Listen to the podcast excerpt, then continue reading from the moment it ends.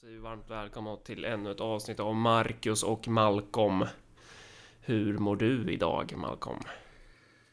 Uh, inte så superbra. Jag är lite bakfull. Ja. Grund av att ha suttit och sjungit massor med sånger och druckit massor med sprit och punch.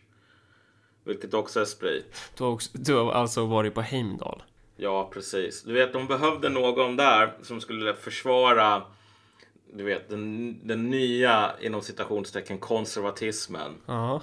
Ehm, då var det ju ingen som Heimdal som ville göra det mot de här hemska liberalerna och liksom muffarna. Så då var ju jag tvungen att rycka in och göra det i någon sån här panelsamtal plus föredrag. Säg någonting om den svenska högern när, när Malcolm Schiffer måste komma och, och ta dem i försvar.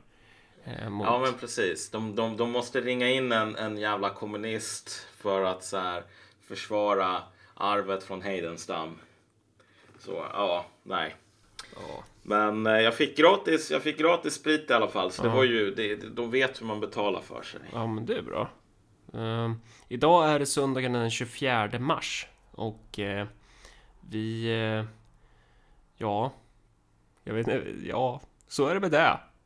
Ja, precis. Jag tycker att det, det här introt skulle vara bättre om du typ härmade Chang Frick medans du gjorde det. Det är så jävla jobbigt att hålla på och härma på beställning. Du fattar inte hur mycket, mycket sånt där jag har klippt bort när du har bett mig att härma för att det blir, det blir så pinsamt. Det som kidsen säger, det är, det är cringe alltså. Det är kringerande alltså. Ja, nej. ehm, men jag, jag tycker att det är skitkul. Det är mest därför som jag liksom ber om det hela tiden och förnedrar dig. Hur ska jag, vad ska jag säga som Chang då? Jag vet inte. Man, man- ja, nej. Nej, då skiter vi då. Men ska Ja, vi gå in vi, på... vi, vi skiter i det. Fuck it liksom. Ja. Do it live. Ja. Vi går in på Swish-sektionen istället då. Ja, det gör vi. Eh, ja, vi har ju fått en massa Swish här och jag har försökt sammanställa alla namn här nu. Och jag är orolig att jag har glömt någon. Jag blir alltid orolig när jag har glömt någon. Det- tar sån jävla tid för mig att sammanställa den här Swish-listan just eftersom jag typ vill dubbelkolla tre gånger för att jag inte ska glömma bort någon människa. Men eh, tack till Olof, Stefan, Stefan, Björn, Leif, Lo, Alexander, Jörgen, Unni, Svante och Viktor säger vi. Och sen så skriver några av de här också. Elin skriver ironisk distans skriver hon när hon swishar oss en liten peng. Thomas skriver till den utmärkta podden Ge fake brains på nöten. Alexander skriver CTA-BKA står enat. Gud bevare konungen. Du, hur förklarar du då Alexander att det var någon annan CTA någonting? Det var ett enkel-V istället för B som swishar, swishades där. Är det något helt anna, annat då eller vad, vad är det för något? Jag hänger inte med alls. Nej men det, det, var, det var ju några stycken som swishade någonting på rad så skrev de så här CTABK, Gud bevare konungen, någonting. Och sen var det någon så här av dem som troligtvis var för dålig eller för full för att skriva CTABK, så han skrev CTAVKA eller någonting. Eh, Ja, okej. Mm. Ja, nej, det här är ett mysterium. Ja. Men möjligtvis så kommer de människorna höra av sig igen så får vi liksom ta reda på vad det där handlar om. Och nu, nu känner jag att jag är en väldigt dålig människa för jag kan ju inte ens uttala det som står där. CTABKA står det ju, inte, inte CTABK. Men eh, ja, så är det med. Thomas skriver, jag vill höra Malcolm i Kvartals veckopanel igen. Ja, Ja, det får vi se om det blir någonting. Jag, Jag jag, har fan slutat lyssna på Kvartal alltså. Jag tycker de har, jag tycker det är så jäkla tråkigt. Speciellt den här veckopanelen tycker jag är helt, alltså helt innehållslös i princip. Det är ju, ja. Vissa fredagsintervjuer Ja. tycker jag är nice. Jag tycker att det är så här, det händer ju ingenting. Och så, vem fan pratar ens om Svenska Akademin? Finns det någon i det här landet som bryr sig om Svenska Akademin? Alltså du sätter ju fingret på lite grann av ett problem, vilket är att det här formatet med, alltså det här ska vara Sveriges Radio fast egentligen inte. Alltså, det är väl lite samma problem som Sveriges Radio-formaten har på något plan, vilket är att det här är format skapade för en ganska annorlunda tid och som så att säga söker sig mot konsensus väldigt mycket. Ehm, och visst, det ska finnas någon så här debatt, så därför har man ett spann mellan typ någon från sossarna och någon från moderaterna.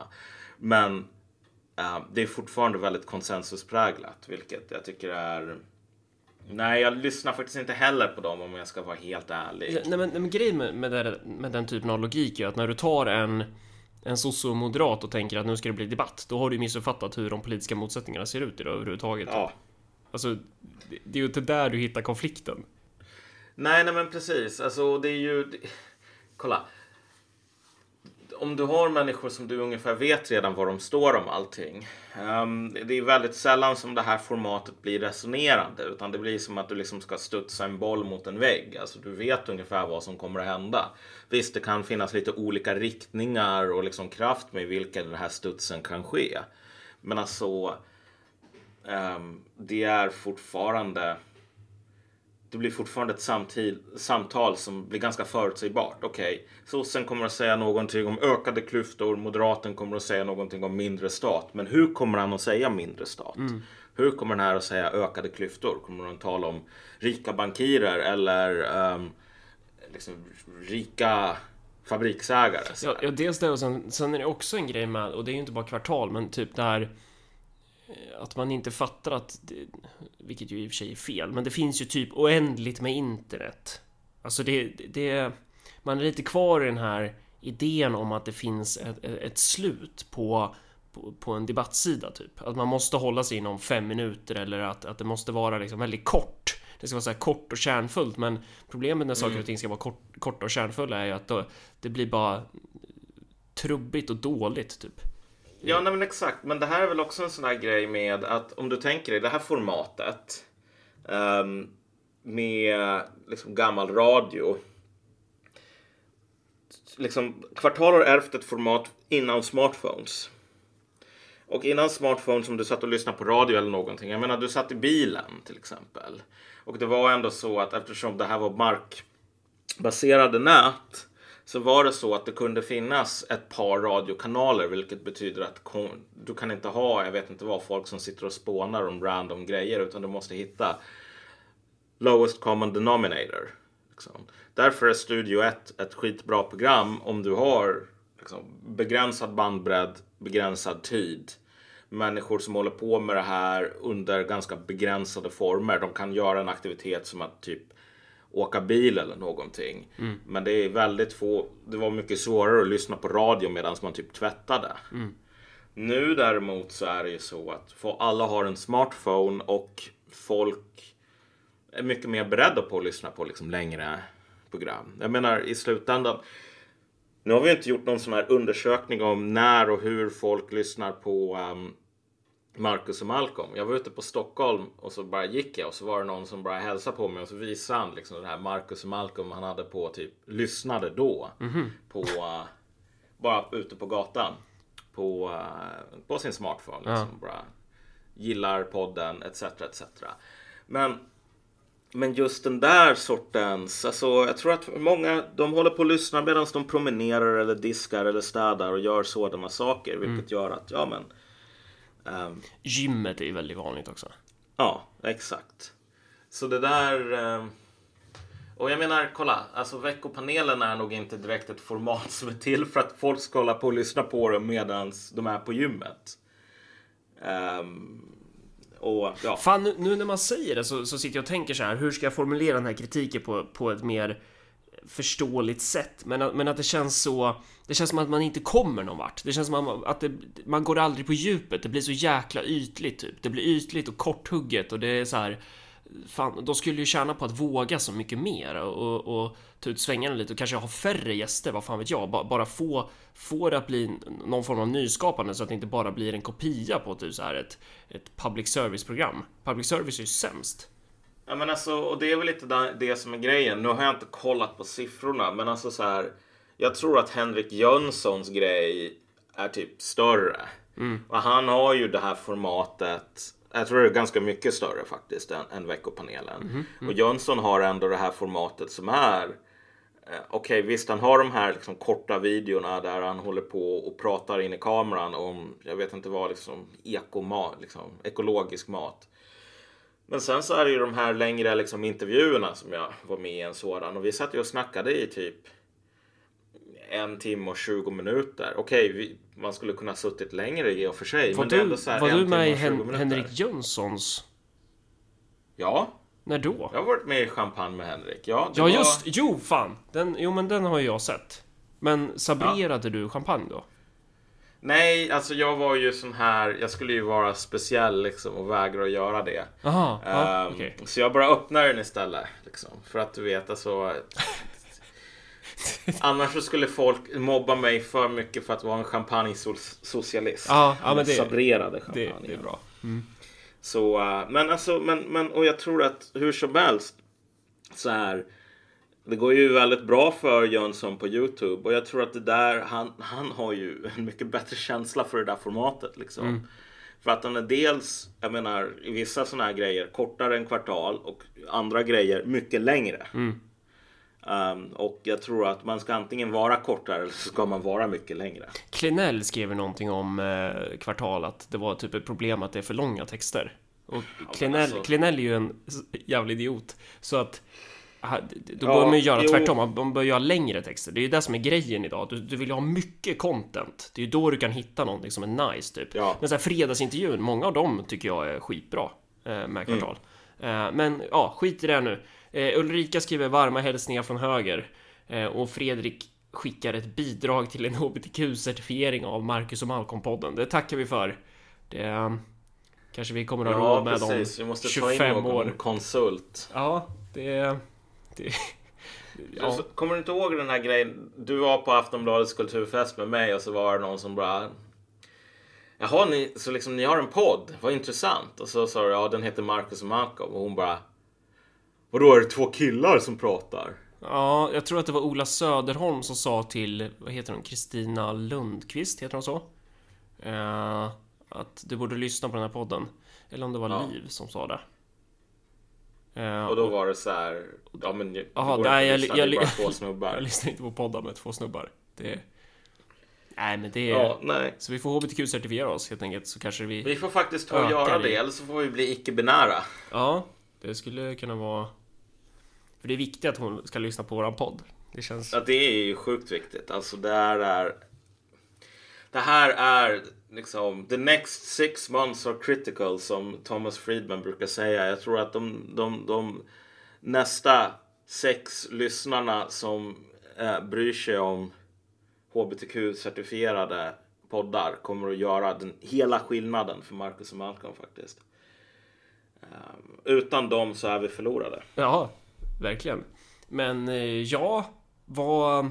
Nu ska vi försöka prata om, eh, om strejker. Eh, delvis eh, kort beröra hamnstrejken och sen prata mer om förståelsen om vad, vad en strejk är, typ. Ja, exakt. Och alltså för den som inte har läst tidningarna så hamnstrejken skedde ju för ett par veckor sedan och så blev den avblåst i sista sekunden. Och om man var ute på Alltså det var jättefascinerande ur ett, alltså ett sociologiskt perspektiv att vara ute på Twitter. Så ser man alla de här människorna som har format någon sån här enorm cargo cult. Bara. Um, under en period så folk höll ju på att ta massor med selfies eller bilder på sina Swish-inbetalningar till Hamnförbundets strejkkassa och bara liksom, det här blev typ en one-liner som man postar bara donera till hamnarbetarna. Ehm, så de fick in över en miljon till strejkkassan på väldigt kort tid, vilket självklart var kul för Hamnarbetarförbundet. Men ehm, det var väldigt så här, det var väldigt tydligt att det här var, det här var en fad. Det var inte den första av sitt slag i och för sig. Alltså, på, en gång i tiden så var det så att alltså, um, b- ockupationen av BB uppe i Norrland, väst, eller vad, vad, vad, heter, vad heter stället? Sollefteå. Sollefteå, precis. Eh, BB-ockupationen i Sollefteå Ja. var ju en, en liksom...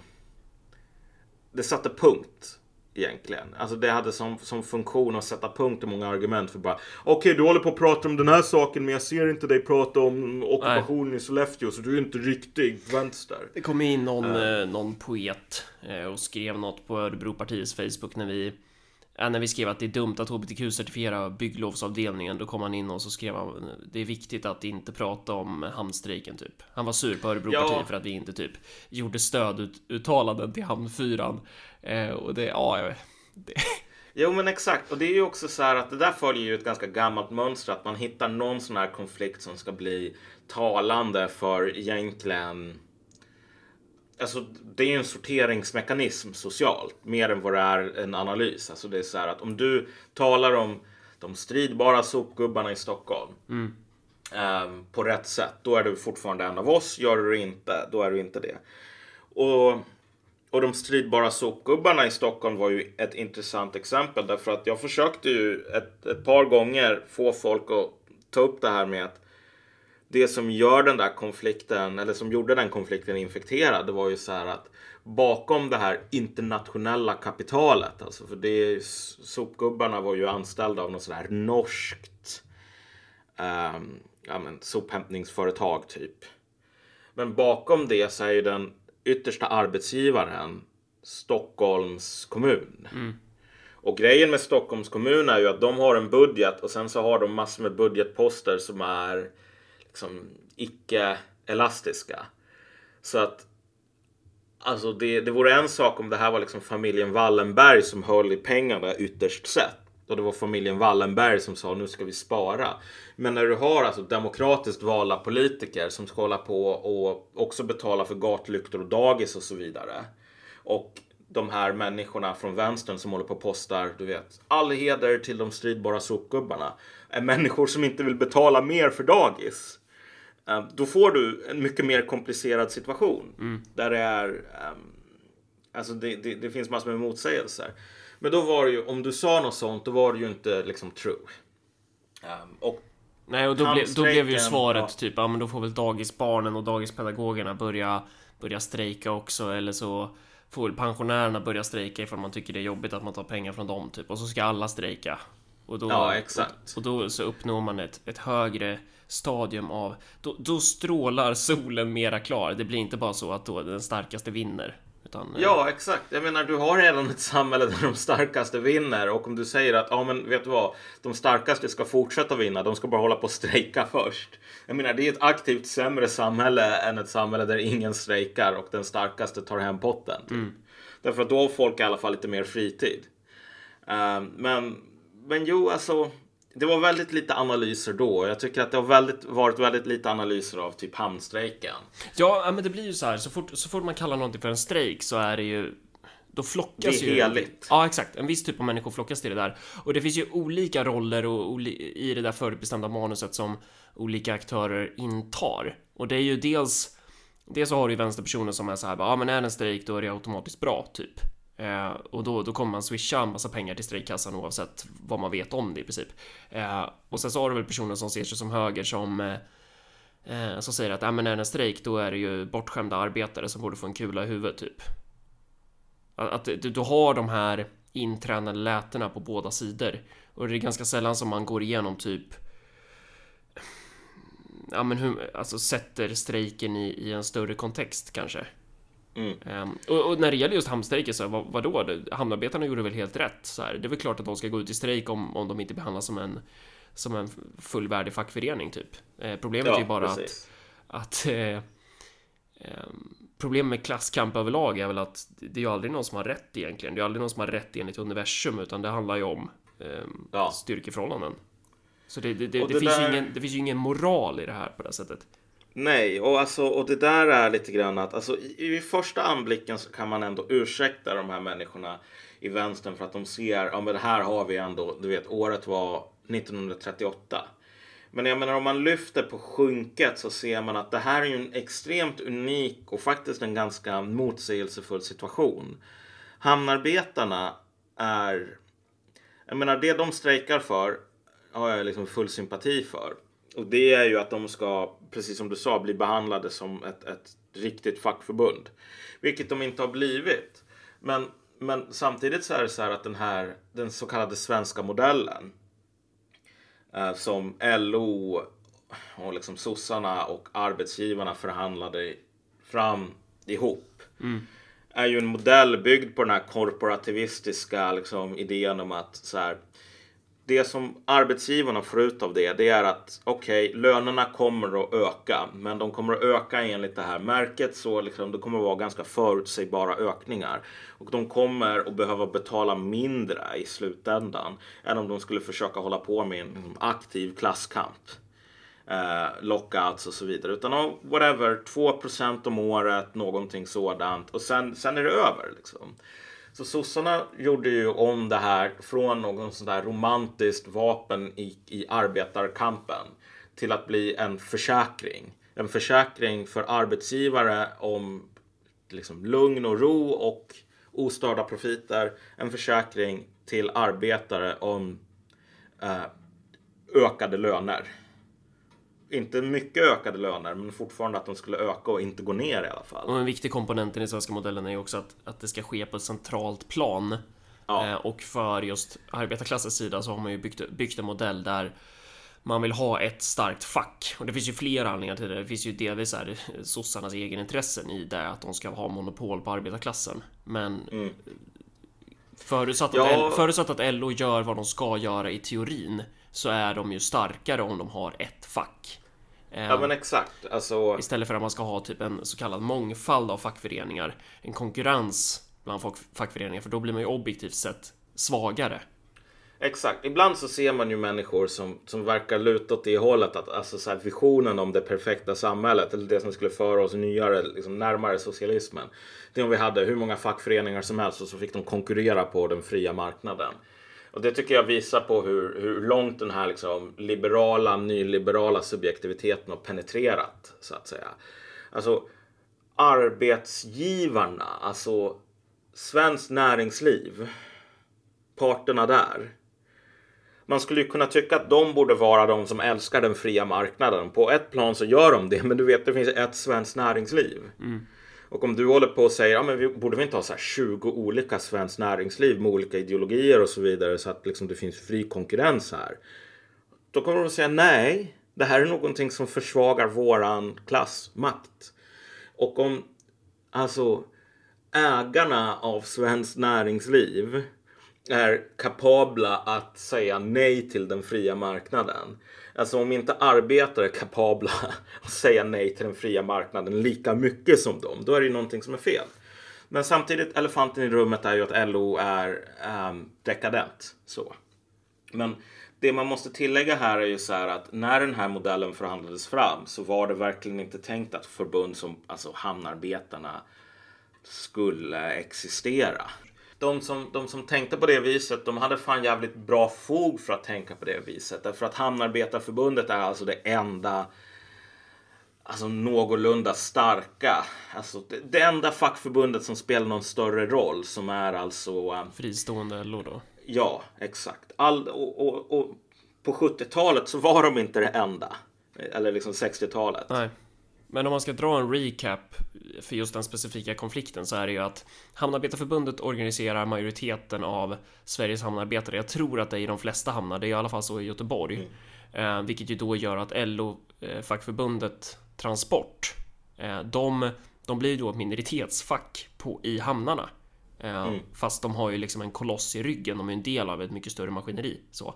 Eh, och Svenska Hamnarbetarförbundet har ju, vilket de delvis också tjänat på, inte varit en del av den här korporativa modellen då. För att man har ju inte då behövt eh, ha fredsplikt gentemot arbetsgivarna. Mm. Eh, men samtidigt så har man inte då blivit behandlad alla gånger som, som en fullvärdigt fackförbund. För att arbetsgivarna har ju sagt, ja men vi har ju tecknat kollektivavtal med Transport. Eh, och det spelar ingen roll om Transport bara organiserar en halv arbetare i Göteborgs hamn med typ x antal tusentals arbetare. Eh, och att Hamnarbetarförbundet organiserar resten. För att har vi tecknat ett kollektivavtal då är det det som ska gälla typ. Mm. Och det är väl också det som, som man skulle gå ut i strejk för att, att bli accepterat som ett fullvärdigt fackförbund typ. Ja. Och det var väl där man landade i att de fick något hängavtal eller vad. Och det är, det är ganska oklart hur mycket det här hängavtalet hjälper. Mm. Alltså för att alltså det är det finns ganska stort utrymme för att tolka det här hängavtalet som de har nått fram till på ett sätt som faktiskt egentligen inte ändrar så mycket på Hamnarbetarförbundets status.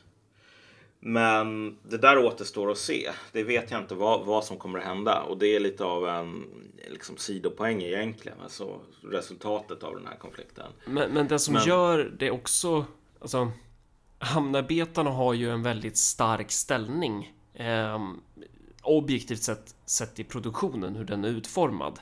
Om du ser till typ vad, vad svensk ekonomisk den svenska ekonomin, den modellen typ, så är ju hamnarna, hamnarna är ju väldigt viktiga i den modellen. Hela vår ekonomi är uppbyggd kring en exportmarknad. Så här, hela ekonomin ja. handlar ju om den svenska exporten i princip. Så eh, ja, kan du kontrollera inte bara det, in, utan Vi har ingen egen matförsörjning. Ja. Mycket av det där kommer genom Göteborgs hamn. Precis, så att du är så här. Kan du stänga ner Sveriges hamnar, då kan du påverka svensk ekonomi ganska rejält. Och det är ju det som gör att Hamnarbetarförbundet blir så jäkla starka då. Att de, ehm, de har ju ren, de har ju de här objektiva förutsättningarna som vi pratade om i det här avsnittet Fucking Adapt or Fucking Die. Eh, att, att hamnarbetarna har ju på något sätt, i takt med att alla andra arbetare blivit svagare så har ju hamnarbetarna typ stärkt sin ställning delvis till följd av det. Eh, mm. För att de ham, hamnarna är så jävla vitala för ekonomin. Ja, och där finns det väl egentligen eh, Alltså det där är det som är den, den, den stora ironin här mm. som gör att den här vänstern som håller på och liksom eh, cirkelrunka kring, kring hur stridbara och liksom ädla och hur vad, vad mycket det här lovade för framtiden, det som hamnarbetarna gjorde. Alltså det där är en, en, en, en total lögn. Alltså det ser fint ut på avstånd men hamnarbetarna har två stora övertag. Båda vilka liksom är det första är egentligen så här att just på grund av att hamnarna är så centrala för liksom kapitalistiska cykeln mellan pengar, varor och pengar. Så är det så att internationellt kapital ställer sig på den sida som representerar status quo och tar ett aluminium baseballträ och bankar det i huvudet på den sidan som stör status quo. Um, därför att den, den delen av kapitalistklassen som äger hamnterminaler är extremt mycket mindre än den delen av kapitalistklassen som typ behöver import eller export av varor som en del av liksom sin, sin verksamhet. Um, och den här kinesiska ägaren av Volvo kommer inte att säga, ja ah, men vet du vad, typ Maersk som äger den här terminalen. Mm. Uh, fortsätt. Typ. Det spelar ingen roll att så här, min fabrik kommer att vara tvungen att stänga ner om det blir en strejk därför att vi har inte reservdelar som räcker mer än typ två dagar. Mm. Det spelar ingen roll, utan bara you do you så förlorar jag pengar. Ja, de kapitalisterna kommer ju ställa sig på den sidan som bråkar minst. Och det, det är ju, alltså för i media så har det målats ut som att det är hamnarbetarna som är de bråkiga och så. Det stämmer ju inte, utan det är ju så här. De, de har ju lagt ganska harmlösa krav på att bara bli behandlade som ett jävla fackförbund typ. Och då så har ju arbetsgivarna ja. svarat med att inte behandla dem så och svarat med en massa lockouter typ. Och det är ju det som är mm. grejen då att därmed så ställer sig APM Terminal som en del av den här Maersk Sea Line koncernen tror jag. Då ställer ju de sig på ett sätt i konflikt med alla andra kapitalister då som, som ja. har ett intresse av att bara så här, de skiter ju i om, om hamnarbetarna, om de ens är svenskar eller om det är liksom importerade kinesiska arbetare eller vad det är. Det viktiga är att profiten rullar in. Och står du i vägen för det, då, då är du ett problem.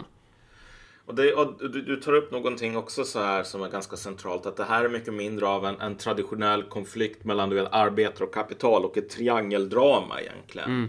Mellan, eller alltså nej, det finns egentligen fyra parter. På ena sidan så har du ju eh, APM Terminals och det verkar som om de så att säga lierade sig med Transport som har ett eget intresse av att sätta dit Hamnarbetarförbundet. Transport vill inte, vill att alla ska vara under LO. Av skäl som inte bara är totalt liksom dumma utan vissa av dem är rationella utifrån deras position.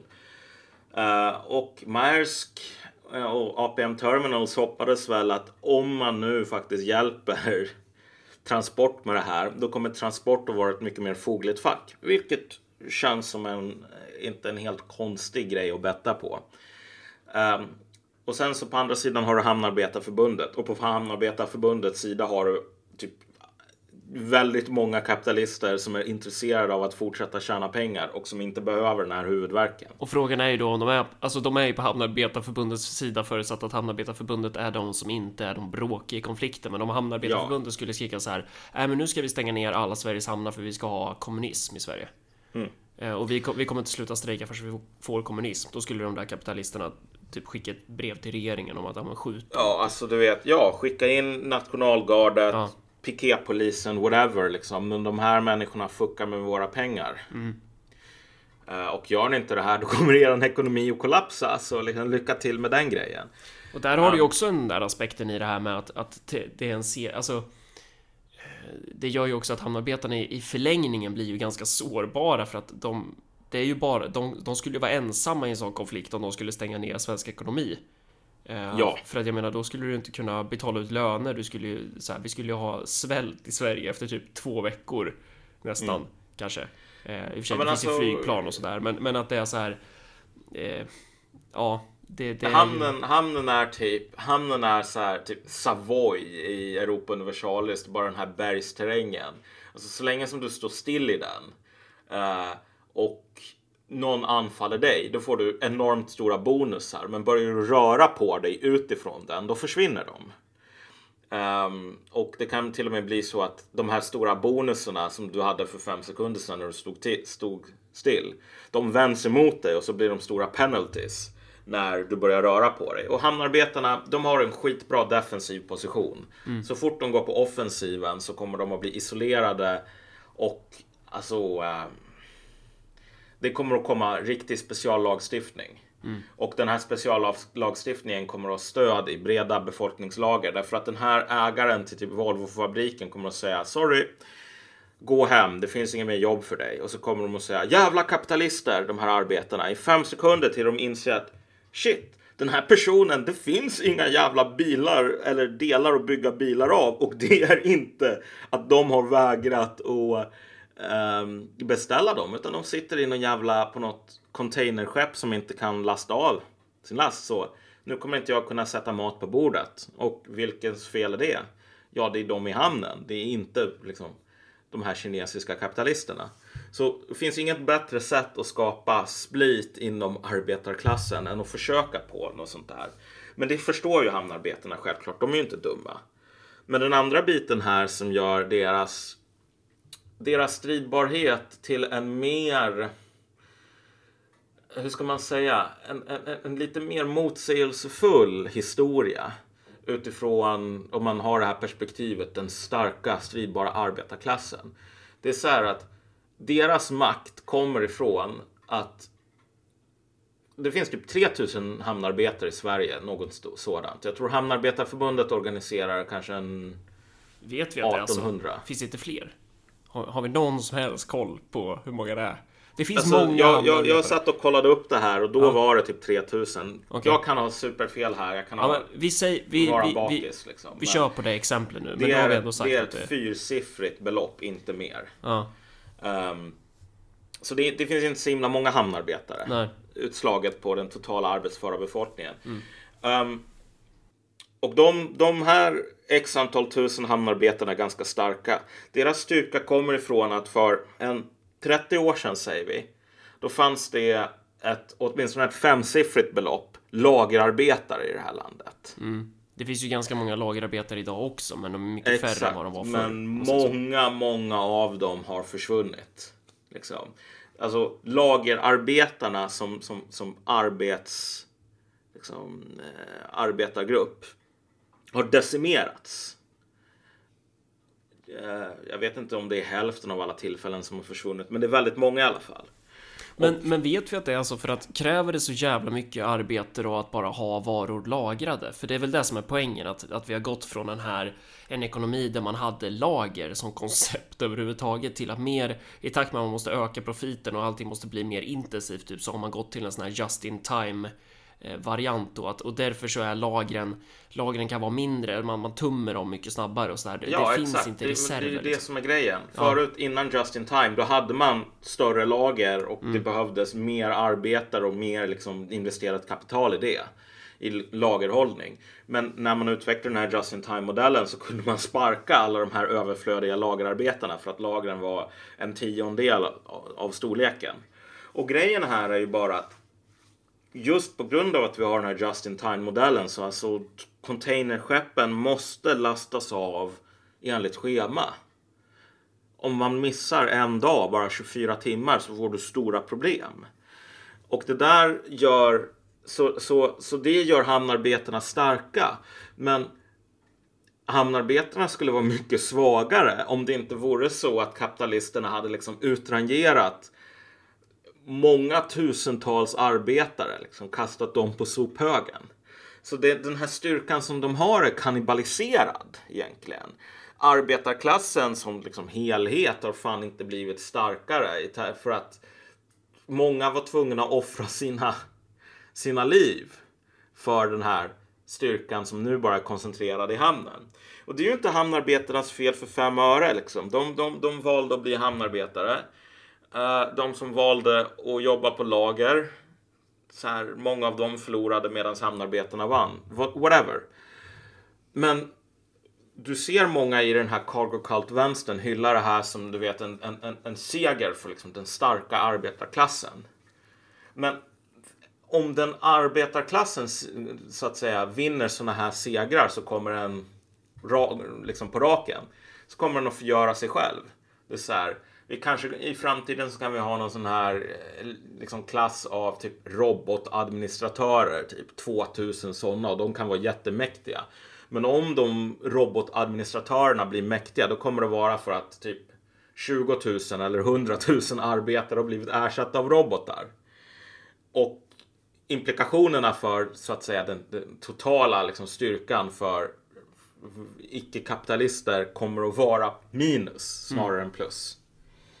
Um, men det, det, är ett exempel. Men jag tycker att det, det viktiga att tala om här är väl på något plan att um, vad, som har, vad som du ser i hela den här cargo-kalten och det var ju massor med jeppar som höll på att skriva bara När ska ni tala om hamnstrejken, det här otroligt viktiga, varför donerar ni inte hela er lön till Hamnarbetarförbundet etc. etc. Um, Ja, och, alltså, ja, men strejken är ju, den är ju helig som koncept typ. Ja. Men den är ju också, tyck, verkar den ju som, ganska missförstådd också. Alltså, ja, exakt. Att, att så, så, fort man säger att någonting är en strejk, ja men då är det skitbra typ. Eh, och det där kan du ju se också. Ibland känns det som att folk typ ser strejken som en protest. Som, som en typ ett sätt att vända ryggen till. Typ så här, nu strejkar vi mot Jimmy Åkesson genom att vända ryggen. Att det, det skulle inte vara en otäckbar liksom, rubrik på att vända ryggen åt Jimmy Åkesson, att kalla det för strejk. Eller typ så här, nu är vi ett gäng afghaner här som eh, så här, Sverige har objektivt sett ingen som helst så här, tjänar inte på att ge de här människorna pengar typ. Eller ta in dem i landet. Men de sätter sig ner på ett torg och, och kallar det strejk. Och media kallar det strejk. Eh, typ så här, Greta Thunberg eh, väljer att skolka. Eh, och så kallar hon det strejk. Mm. Ja men alltså, och det här tycker jag är lite påminner om, om du tar någon sån här, jag vet inte vad, iransk kärnfysiker eller något sånt. På ett svenskt äldrevårdshem. Ja. Någon snubbe med, jag vet inte vad, en miljard olika doktorstitlar sådär. Mm. En vanlig iranier med andra ord. Ja, men ja. exakt. Eh, för alla iranier har en miljard olika doktorstitlar. Ja. Då, alltså om du tar en sådan, det, det, det, roliga är att invandrare på så här svenska äldrevårdshem, en del av dem bara går tillbaks till att bara kunna tala persiska eller arabiska. Och det är ju på grund av att alltså, det är så demens funkar. Så här. Hjärnan börjar ruttna bort, liksom den kognitiva förmågan försämras. Men det som brukar vara kvar sist, det är liksom så här hur man var när man var sex år gammal. Liksom. De minnena sitter och de vanorna sitter så djupt in. Så att när allting annat försvinner, då kan det där vara kvar. Så det spelar ingen roll att den här personen talar flytande svenska och typ 30 andra språk. I slutändan så kommer det bara finnas det som man talade när man var sex år gammal kvar. Och så är det med vänstern och med strejk. Alltså, analysförmågan har försvunnit, men alltså ordet så här, strejk, likhetstecken, bra mm. finns kvar. Det skapar de här positiva att, känslorna ja. igen. Man, man så här, vet att det där är någonting som man ska le för. Ja. Typ. Vilket betyder att så här, ja men afghanstrejk, skitbra. Ja, Skolstrejk, ja, skitbra. Uh, och den här grejen, strejken i hamnen, var ju, den var ju så perfekt för här har du klassiska arbetare mot så här ja. storkapitalet. Inte bara det, utan klassiska arbetare från Göteborg dessutom. Ja, det gör exakt. ju allting tusen gånger mer levänligt. Varav typ alla tjänar mer än de här estradpoeterna på, och, och misslyckade akademikerna mm. som jobbar på Starbucks. Vilket Vi... de Vilket absolut förtjänar att Ja, göra. My herregud. God. För det där, det där stör jag mig på, typ så här det här snacket om att typ hamnarbetarna skulle vara bortskämda. Så här, vissa som kommer in och ska skriva. Alltså, nej. Ja, nej men alltså vad fan, du vet så här. Eh, Okej att de här hamnarbetarna tjänar bättre än så här Södertörnstudenter eller liksom så här. Men du vet de här människorna, Södertörnstudenterna, vad de förtjänar att tjäna, det är typ ett batongslag i tinningen per timme. Liksom. Det är så här. eh, det, nu, nu kommer jag, återkommer jag till vårt problematiska hat, hat mot så här människor som pumpar kommuner på pengar med, med um, genuscertifikat. Men de människorna förtjänar en spark på pungen. Det är liksom värdet av deras arbete i min värld. Men en person som jobbar i hamnen och som jobbar dels med händerna, dels med huvudet och gör ett centralt jobb för våran ekonomi. För fan, en sån person borde tjäna 80 000 kronor i månaden snarare än en jävla mergers and acquisitions advokat. Men alltså, men det finns fortfarande en ironi här i att de här personerna, liksom alltså, stridskämparna vid Arendal, tjänar långt mycket mer än de här människorna som håller på att ta selfies på typ när de swishar. Eh, Och, och liksom har någon sån här blogg om Foucault. Eh, och- jag, jag älskar liksom den, den, den ironin. Dessutom att så här, hälften av hamnarbetarna verkar rösta på SD. Det, också, det gör saken bara ännu roligare. Det, det vet vi. Jag, jag intervjuade ju några hamnarbetare då. Det var ju 100, sommaren 2017 tror jag. Vilket jag för övrigt fick skit av från vänstern. För att det var ett sätt att framhäva mig själv på när jag jobbade på Nyheter Idag. Så då blev de arga på mig för att jag hade så här gjort en massa artiklar om, om konflikten i hamnen då. Ja. Eh, och, och då snackade jag med några hamnarbetare och de bara så här fattade in, ingenting av varför vänstern var så arg på det här, för de tyckte bara, ja men fan vad, fan vad nice Ja. att så här, det här uppmärksammas och sådär. Och så var det en av dem som droppade typ att, ja men hälften röstar väl på typ eh, vänstern. Så här, många röstar väl på KP typ. Eh, och andra hälften röstar troligtvis på SD, trodde han. Så att Mm. eh, Ja, vi, okej. vi, vi Nej, ska men väl det belägga inte- det där så att när folk, när, när folk, när vänstern hör det här så att de kan, så att de vet varför vi säger som vi gör.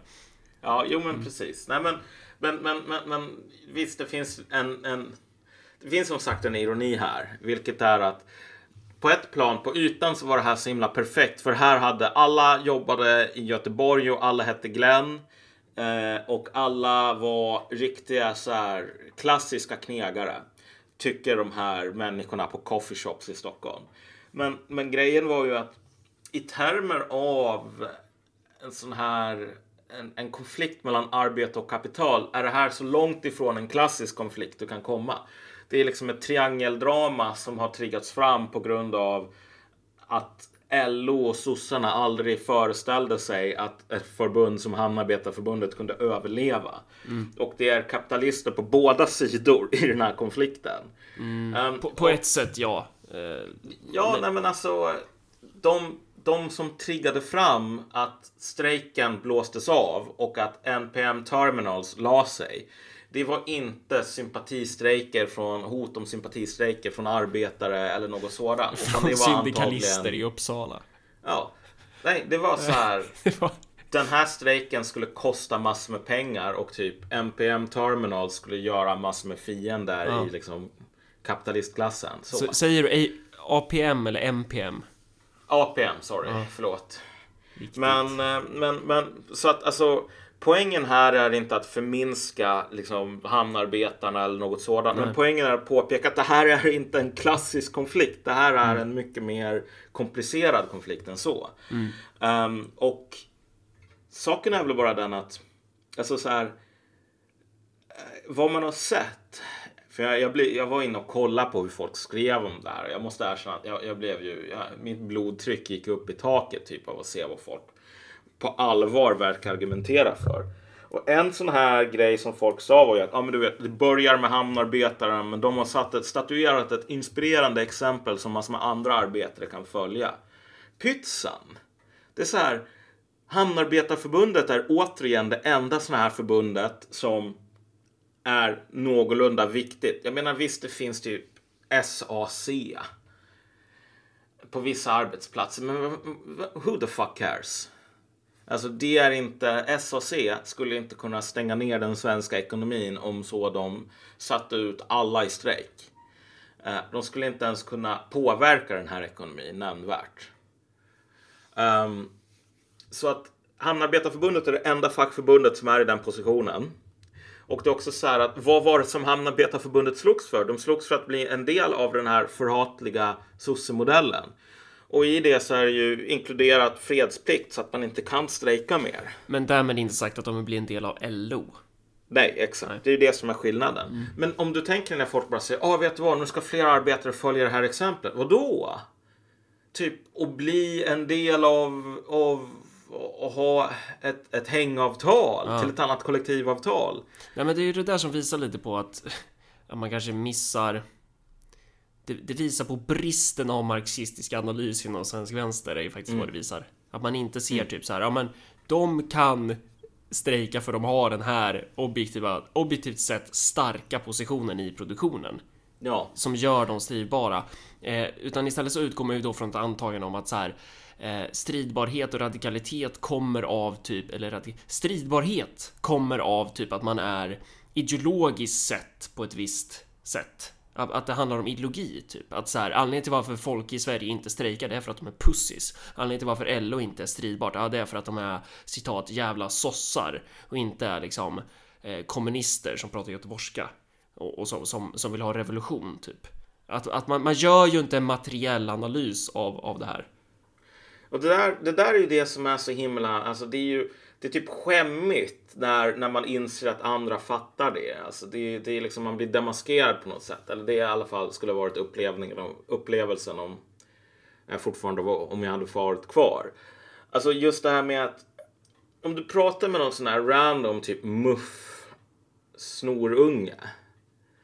Deras analys av typ LO kommer att vara mindre idealistisk än, um, än alltså de random vänsterperson.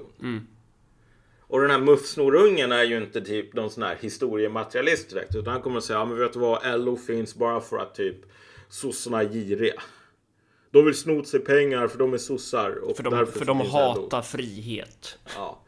Men alltså, den, liksom, vänstern är ju ännu mer så. Det är bara så här, varför, varför finns det typ inte massor med stridbara fack längre? Jo, men det är för att sossarna sålde ut. För att LO sålde ut. Om det inte var så att LO var sådana sellouts, då skulle allting vara, då skulle vi ha fucking slaget vid Arendal varje år. Året skulle, liksom kalendern skulle aldrig röra sig från 38. Eh, och det är bara att, ah, okej, vad är problemet alltså? Jo, de, 38 de, de, de, slag. Va? 38? Jag hänger inte med. Arendal, var inte det? Det var ju 70-tal eller? Ja, ja, men alltså um, Ådalen är ju 38. Är det 38? Ja, botten i Ådalen är väl då. Ehm, men, men så här. Men grejen är ju att i den här, de här materialisternas värld så är det så att den, den enda anledningen till att LO ser ut som de gör och för att du vet arbetarklassen är på väg tillbaks är på grund av att ehm, de spirituella eller de, de personliga moraliska kvaliteterna hos ledningen i, i LO är dåliga och bara man bytte ut dem mot människor som inte var pampar då skulle allting bli bra. Nu måste jag alltså, korrigera här- lite här. Jag måste bara hoppa in här. Saltsjöbadsavtalet tecknades Ja. 1938. Skotten i Ådalen är 1931. Viktigt här nu. Så Ja, inte- förlåt. Så vi förlåt. inte gör oss till som sagt, föremål jag för- är bakis. Ja, okej. Men, ja, men din poäng var? Min poäng var bara så här att alltså, ja, det här är ju 100% filosofisk idealism. Och den, den verkligen tillåts florera när det gäller frågor just om fack och speciellt om LO. Och jag hatar att behöva försvara LO på ett plan därför att jag kommer ju från den här miljön också. Det är så här, du vet, man lär sig att säga "Åh, LO suger innan man lär sig att gå. Det vill säga om du skulle bli dement så skulle inte du le och klappa händerna om någon viskade ordet LO i ditt öra. Utan då ska Nej, du... alltså, nej, alltså om, om, om, om, precis. Om jag var reducerad till en sexåringsnivå då skulle jag säga LO sellouts. Ja. Sådär. Därför att alla, alla, liksom, all annan analysförmåga skulle vara borta. Ja. Och de här människorna är ju på sexåringens nivå. Eh, trots att de inte enligt uppgift är dementa. Men, men saken är bara den att kolla. Så här, eh, det går inte att... Det, det som hamnarbetarna har gjort, det går inte för fem öre att ehm, så att säga skala upp till att gälla andra arbetare som inte är hamnarbetare. Och dessutom, hamnarbetarnas hela telos med det här var inte att nu jävlar, nu ska vi krossa den sossemodellen så att vi kommer att ha en våg av vilda strejker som sveper igenom Sverige som i den här ehm, vad heter det? Det lär oss historien. Liksom den låten. Ja. Utan hela deras poäng var ju att få ett eh, hängavtal så att de hade fredsplikt och inte behövde strejka mer. Här. det finns ju en till komponent i det här triangeldramat. Eh, och det är ju det här med att regeringen nu har gått fram med förslag Mm. på en förändrad strejkrätt, eller en inskränkt strejkrätt blir det ju. Mm. Eh, då innebörden kommer ju vara att har ett företag tecknat ett kollektivavtal med ett fack på en arbetsplats, då måste alla andra foga sig efter det avtalet. Så man kan inte ha konkurrerande fack. Eh, och det är ju som gjort för situationen i Göteborg eller i andra hamnar också. Ja. Men det där kommer ju i förlängningen också kunna leda till att det här biter dem i svansen. För Ja, menar, verkligen. det, det, öppnar ju upp för just den här att mångfalden av fackförbund kan bu- buda under varandra och på så sätt så eh, blir man ju objektivt sett svagare. ja, exakt. Och det är ju det som är grejen att ehm, Men, men det visar ju också sossarna- på Det visar också på typ så här LO och sossarna att, att de är ju som den här stagger-mekaniken för monks i World of Warcraft. Att du, du tar en stor smäll i ansiktet och sen så jämnar du liksom ut skadan över tid. Så att det enda Ja. sossarna och LO kan göra det är typ så här motorerna i det här planet pajade ju för länge sedan. Det enda de gör nu, de, de så här segelflyger ju och försöker ta sig så långt de kan. Men de tappar ju mark hela tiden. Eh, och, och det är ju det som den här typen av lagstiftning troligtvis innebär. Att de kommer ju tappa mark, men de försöker ändå bibehålla sin kontroll så länge de kan. Typ. Ja, och det är så här. Det här är varför alltså, jag hatar hela den här situationen. För nu måste jag på något plan försvara LO trots att du vet lärt mig sen barnsben att det ska man inte göra. För det, är så, det finns inget mer ohippt än LO. Men så här, LO, visst dekadent, ja. Fyllt med pampar, ja. Men när jag tänker på mina alterkameraden i vänstern. det var ju så jävla mycket förljugenhet och korruption där. Så jag kan faktiskt inte liksom än som jag bemödar mig att inte vara raljant, så kan jag ärligt talat inte säga att alltså, den typen av människor som du hittar i LO på något så här moraliskt plan är sämre än den typen som du hittar i Vänsterpartiet eller i alltså SUF. Alltså sorry, men jag, jag köper inte det längre. Jag tror att det är precis samma skrot och korn. Medan LO har pengar medan SUF inte har det. Men vi har liksom alla de här skandalerna i liksom vänsterorganisationer med liksom sexualövergrepp och ditten och datten. Ehm, speciellt bland trottar. Så att alltså, är, är det så? Är de är trottar värre än alla andra? Ja, trottar, trottar och så här sexskandaler går ihop som typ hand och handske faktiskt. Alltså. Men de största skandalerna har nog faktiskt inte varit i Sverige. Men min, min poäng återstår, vilket är att jag är ärligt talat, och det här säger jag inte för att vara elak eller raljant. Jag är osäker på om den moraliska kvaliteten i toppen på ehm, LO är så mycket sämre än de LOs belackare. Men och just därför så tror jag att folk uppskattar inte riktigt att det finns ändå något sorts tanke bakom det här segelflygandet. Vilket är att det finns värre situationer för den svenska arbetarklassen än att LO sätter det där förhatliga märket etc. etc. Jag menar, LO har åtminstone inte gått in i någon sån här grand bargain som, som fackföreningarna gjorde i Tyskland. I Tyskland är det så att om du jobbar, du kan jobba så här 40 timmar i veckan. Så kan det vara så att en extra räkning på 200 euro eller någonting gör att du inte kan äta på en vecka. Alltså, um, tyskarna gick i någon sån här liksom Faustpakt mellan näringsliv och facken. Där facken sa att okej, okay, vi ska ha full sysselsättning. Men mycket av det här ska vara liksom så här, nästan typ livegna. Ja men du har väl um, haft Löfven gjorde ju en sån grej när han var ordförande för IF Metall. Då jag för mig att han gick med på någon sån här grej att sänka lönerna för sina egna medlemmar i gengäld mot typ att det skulle vara fler jobb eller vad fan det var som var ja. snacket. Att, att han och, gjorde en sån. Och de tyska fackföreningarna har gjort så extremt mycket och extremt aggressivt. Så alltså, du kan arbeta 40 timmar i veckan och vara så här på riktigt extremt fattig liksom. Under typ nivån, nästan socialbidragsnivån i Sverige i vissa fall. Mm. Um, och det här är någonting som alltså fackföreningarna har ställt sig 100% bakom, eller inte 100% men till stor del. Men vi lär ju hamna inte... där ganska snart. Ja, det kan vi göra, men vi för, kan för i alla menar... fall säga så här att ja. LO inte frivilligt försökte sätta oss där liksom. Nej, det är klart. Um, men men, men det är ju de, de, för att vi har väl liknande förutsättningar som tyskarna också. Bara det att tyskarna har ju typ dopat sin ekonomi genom att pressa ner sina lönenivåer.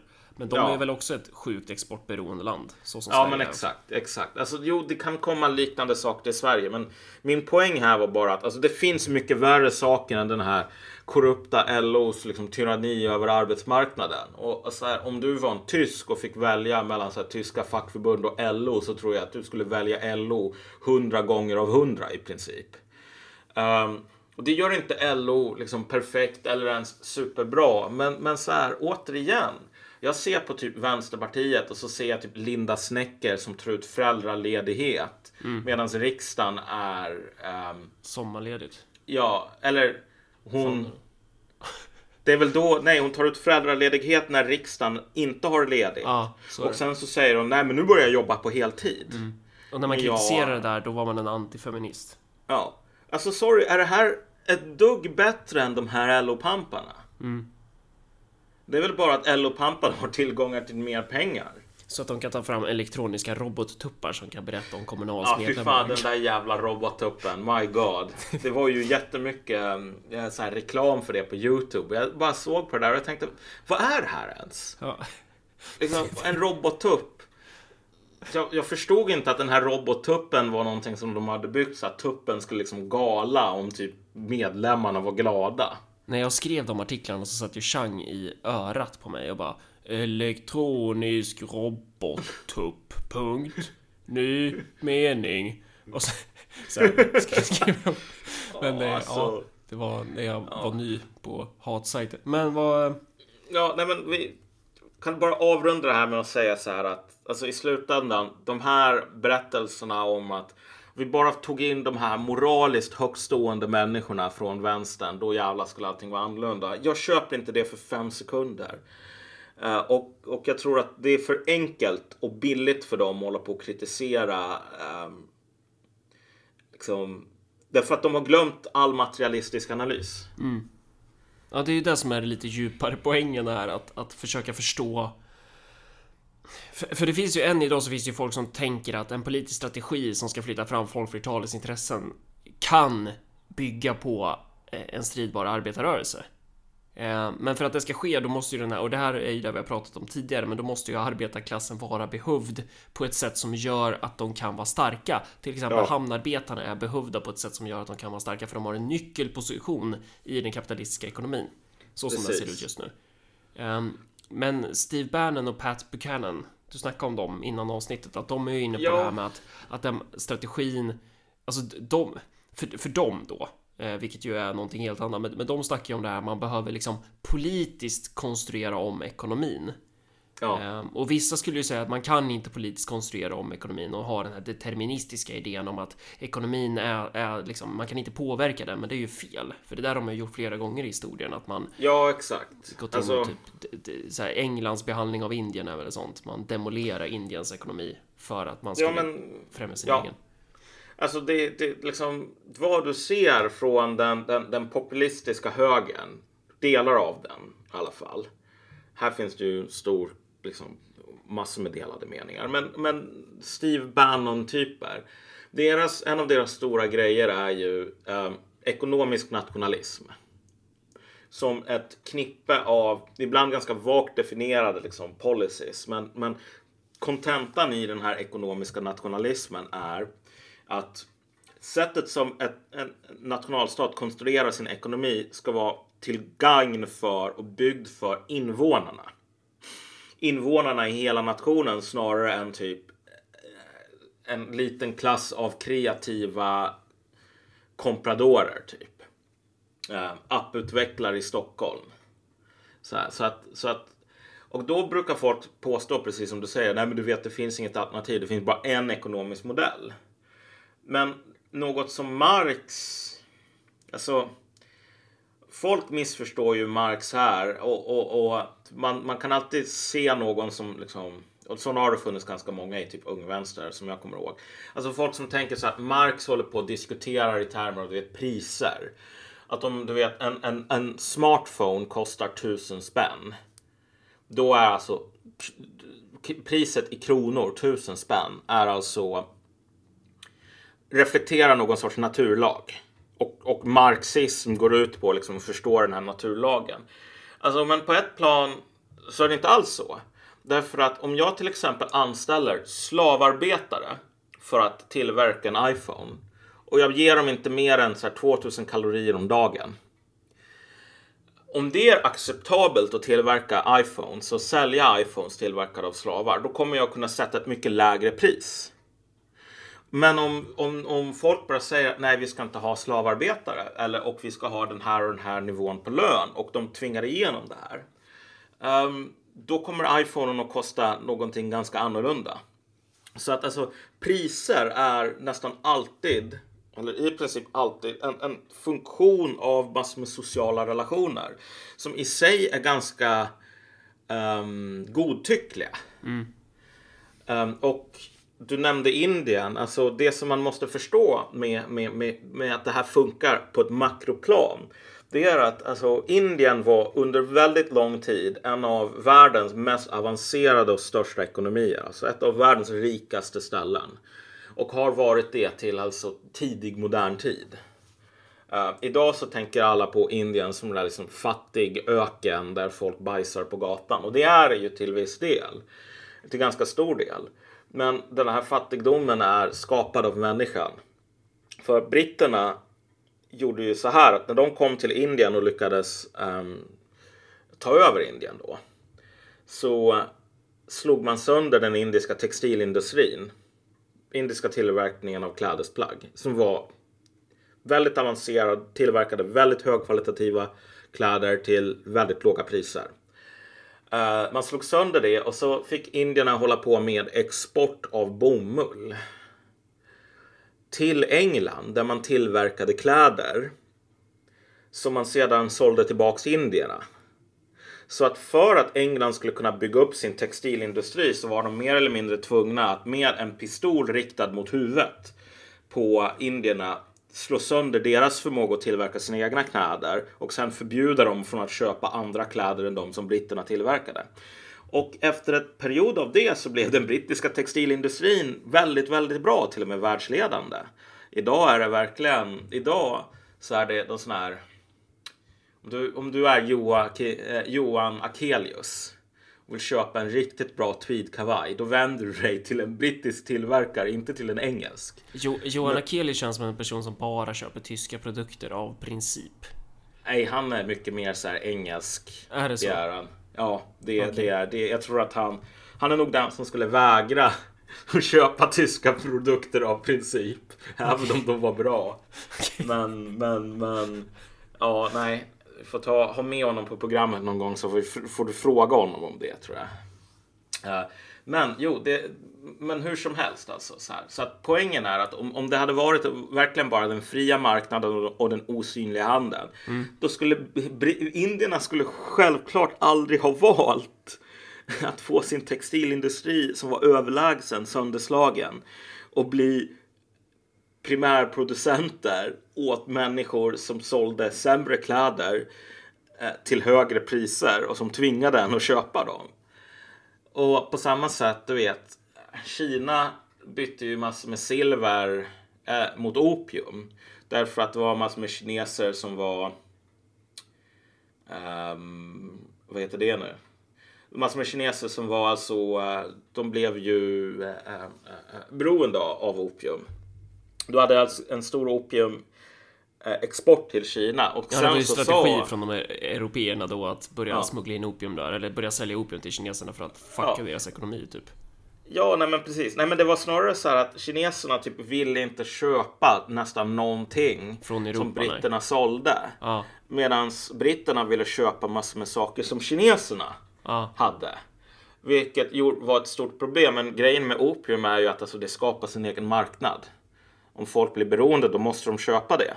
Så att till slut så sa ju den, den, den Qing-kejsaren då, kommer inte ihåg vilken, så här att alltså det här grabbar, det här funkar inte riktigt. Vi kan inte ha massor med kineser som är, um, du vet, som, som håller på och missbrukar opium. Det leder till massor med humanitära problem.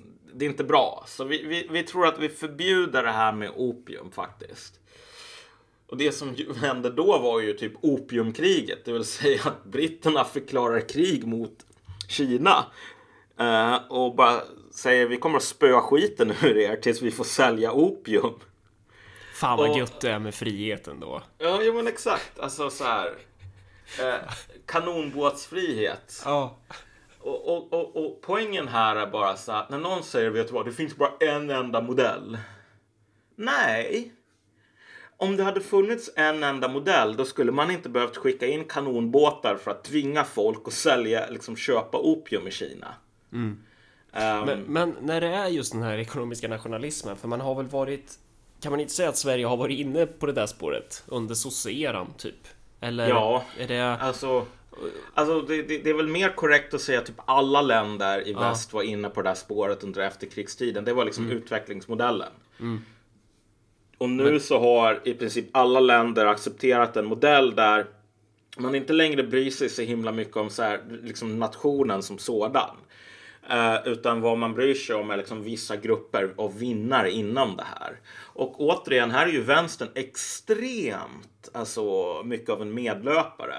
Och då skulle ju vänstern säga, nej men vadå, vi bryr oss om alla människor oavsett nationsgränser. Men det som är nice är så här att ingen person på typ Facebook eller Google behöver vara rädd för någon som säger, du vet, avskaffa alla nationsgränser. Därför att de människorna som tjänar på den här Silicon Valley-modellen, de bryr sig för det första inte om nationsgränser. De flyttar dit de vill, när de vill. Så det är inte ett hot mot dem.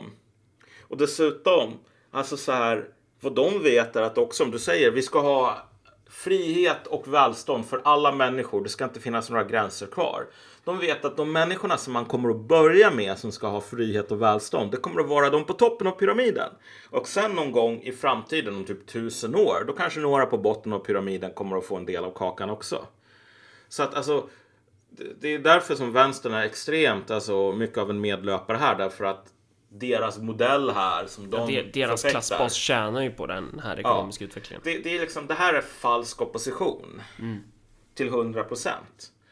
Eh, och de här Steve Bannon-typerna. Alltså man ska, inte säga, man ska inte underdriva svårigheterna med att ha någon ny modell för ekonomisk nationalism. Nej, precis. Det är ju det som är det lilla kruxet. Att det är ju inte hur lätt som helst att bara styra upp. Men man, man måste ha i åtanke att för det första, valet av ekonomisk modell följer inte naturlagar utan det är saker, det är aktiva val av människor. Och många gånger har de här aktiva valen också involverat typ krig och våld för att typ tvinga igenom just det här valet som sedan blev det enda alternativet. Och den andra grejen är att det här har hänt förut. Alltså, ekonomin var typ mer globaliserad år 1900 eller 1870 än vad den var 1970. Så att du hade mer eller mindre en extremt ut, välutvecklad globalisering ekonomiskt. Och sen så hade du de här politiska besluten som fattades i olika länder. Hela västvärlden mer eller mindre och gå mer mot så här autarki. Men när Steve Bannon och Pat Buchanan... Är det Pat Buchanan? V- vem är det ens? Inte det typ en... Pat Buchanan är ju en sån här väldigt knepig, liksom så här paleokonservativ. Jaha. Men han är lite av en, han var lite av en föregångare till eh, Steve Bannon på vissa sätt. Alltså intellektuellt kan man väl säga. Eh, och han, han, han var med och startade det här amerikanska magasinet The American Conservative som jag tycker är en av de sakerna som jag läser någon gång i veckan.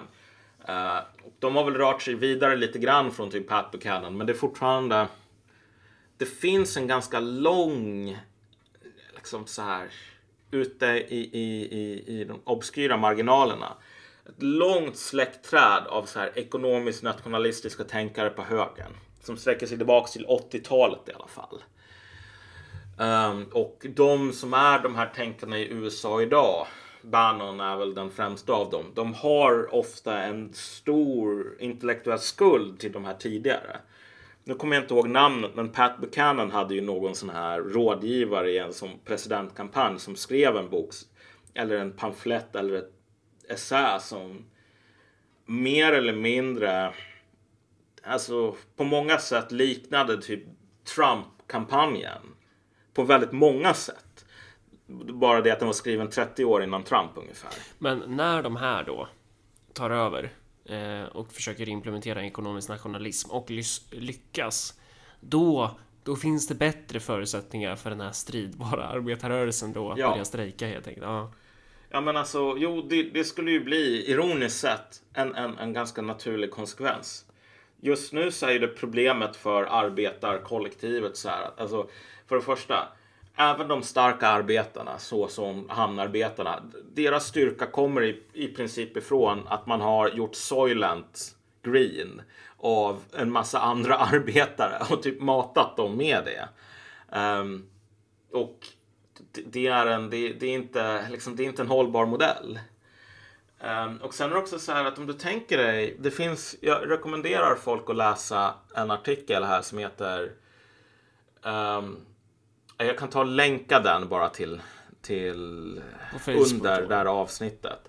Ah. Men den handlar alltså om amerikansk hemlöshet i, i Los Angeles. Och det är bara så här att alltså, vad du växer fram i USA är en modell där du har de här människorna som är liksom vinnare på ekonomin. Typ 10-15 procent av befolkningen, 20 procent. Det var det där vi snackade om i det här konservatismavsnittet. Eller? Uh, ja, jo, typ. till stor del. Uh. Men alltså, du, du, ser, du ser det här på ett, på ett, på ett rumsligt plan i, i ett ställe som Los Angeles. Där du har superrika Venice Beach som också kallas Silicon Beach nu för tiden på grund av att du har så här Google och Dropbox och Facebook och så som har så här lokala högkvarter i Venice Beach. Alltså markpriserna är astronomiska. Och så här 200-300 meter bort så har du enorma läger av um, hemlösa. Alltså på det här Vredens druvor nivån. har du läst Vredens druvor? Nej, men den är i bokhyllan här bakom mig.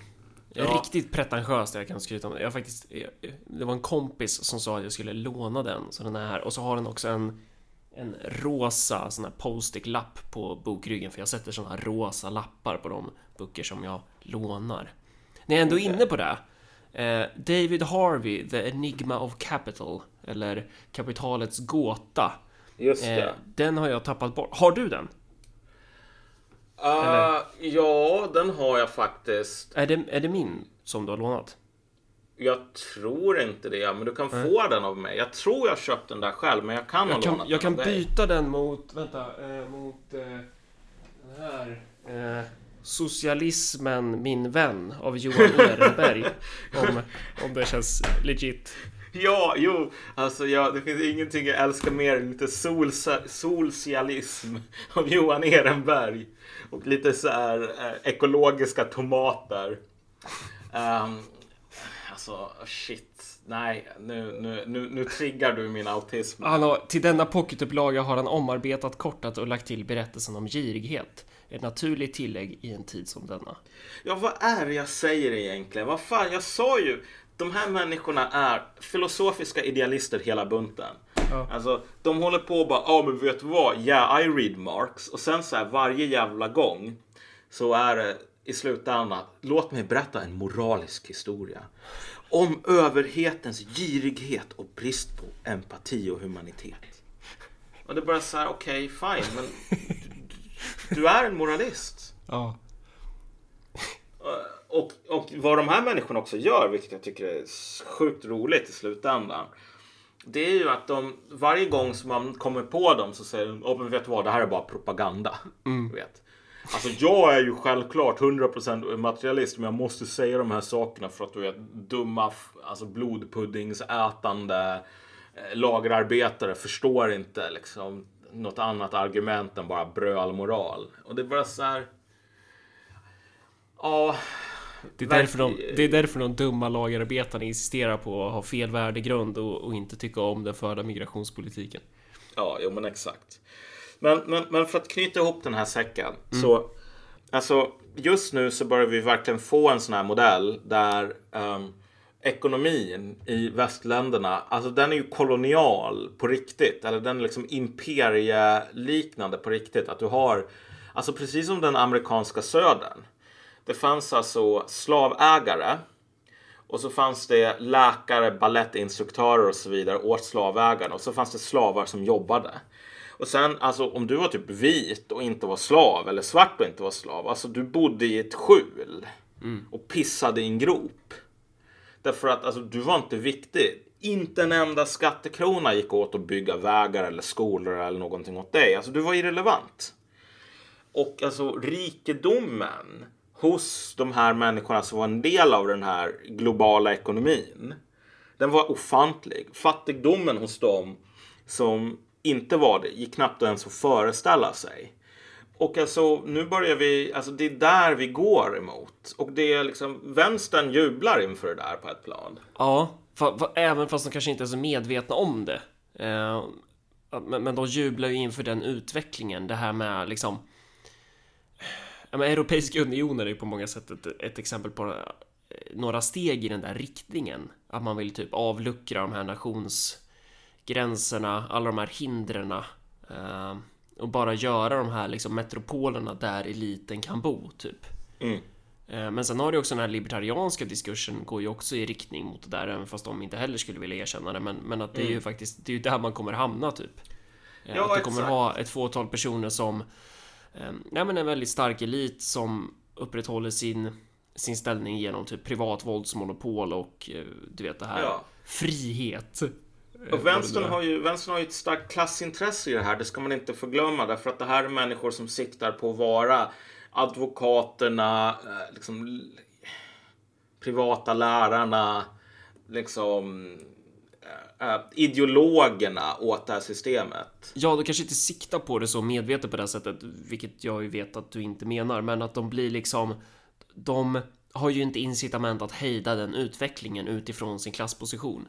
Jo, nej, men alltså min poäng här är att om du ser på utveckling hos sådana här människor som Alexandra Ocasio-Cortez och alltså vilka, vilka, alltså vilket distrikt hon representerar och vilka som röstar på henne. Det här är människor, de kommer inte att vara slavägare, plantageägare i den här nya antebellum-ekonomin. Men de kommer att vara ballettinstruktörer och administratörer och typ så här folk som håller koll på um, lag, lagren och liksom sådana där grejer. De kommer att vara administratörer.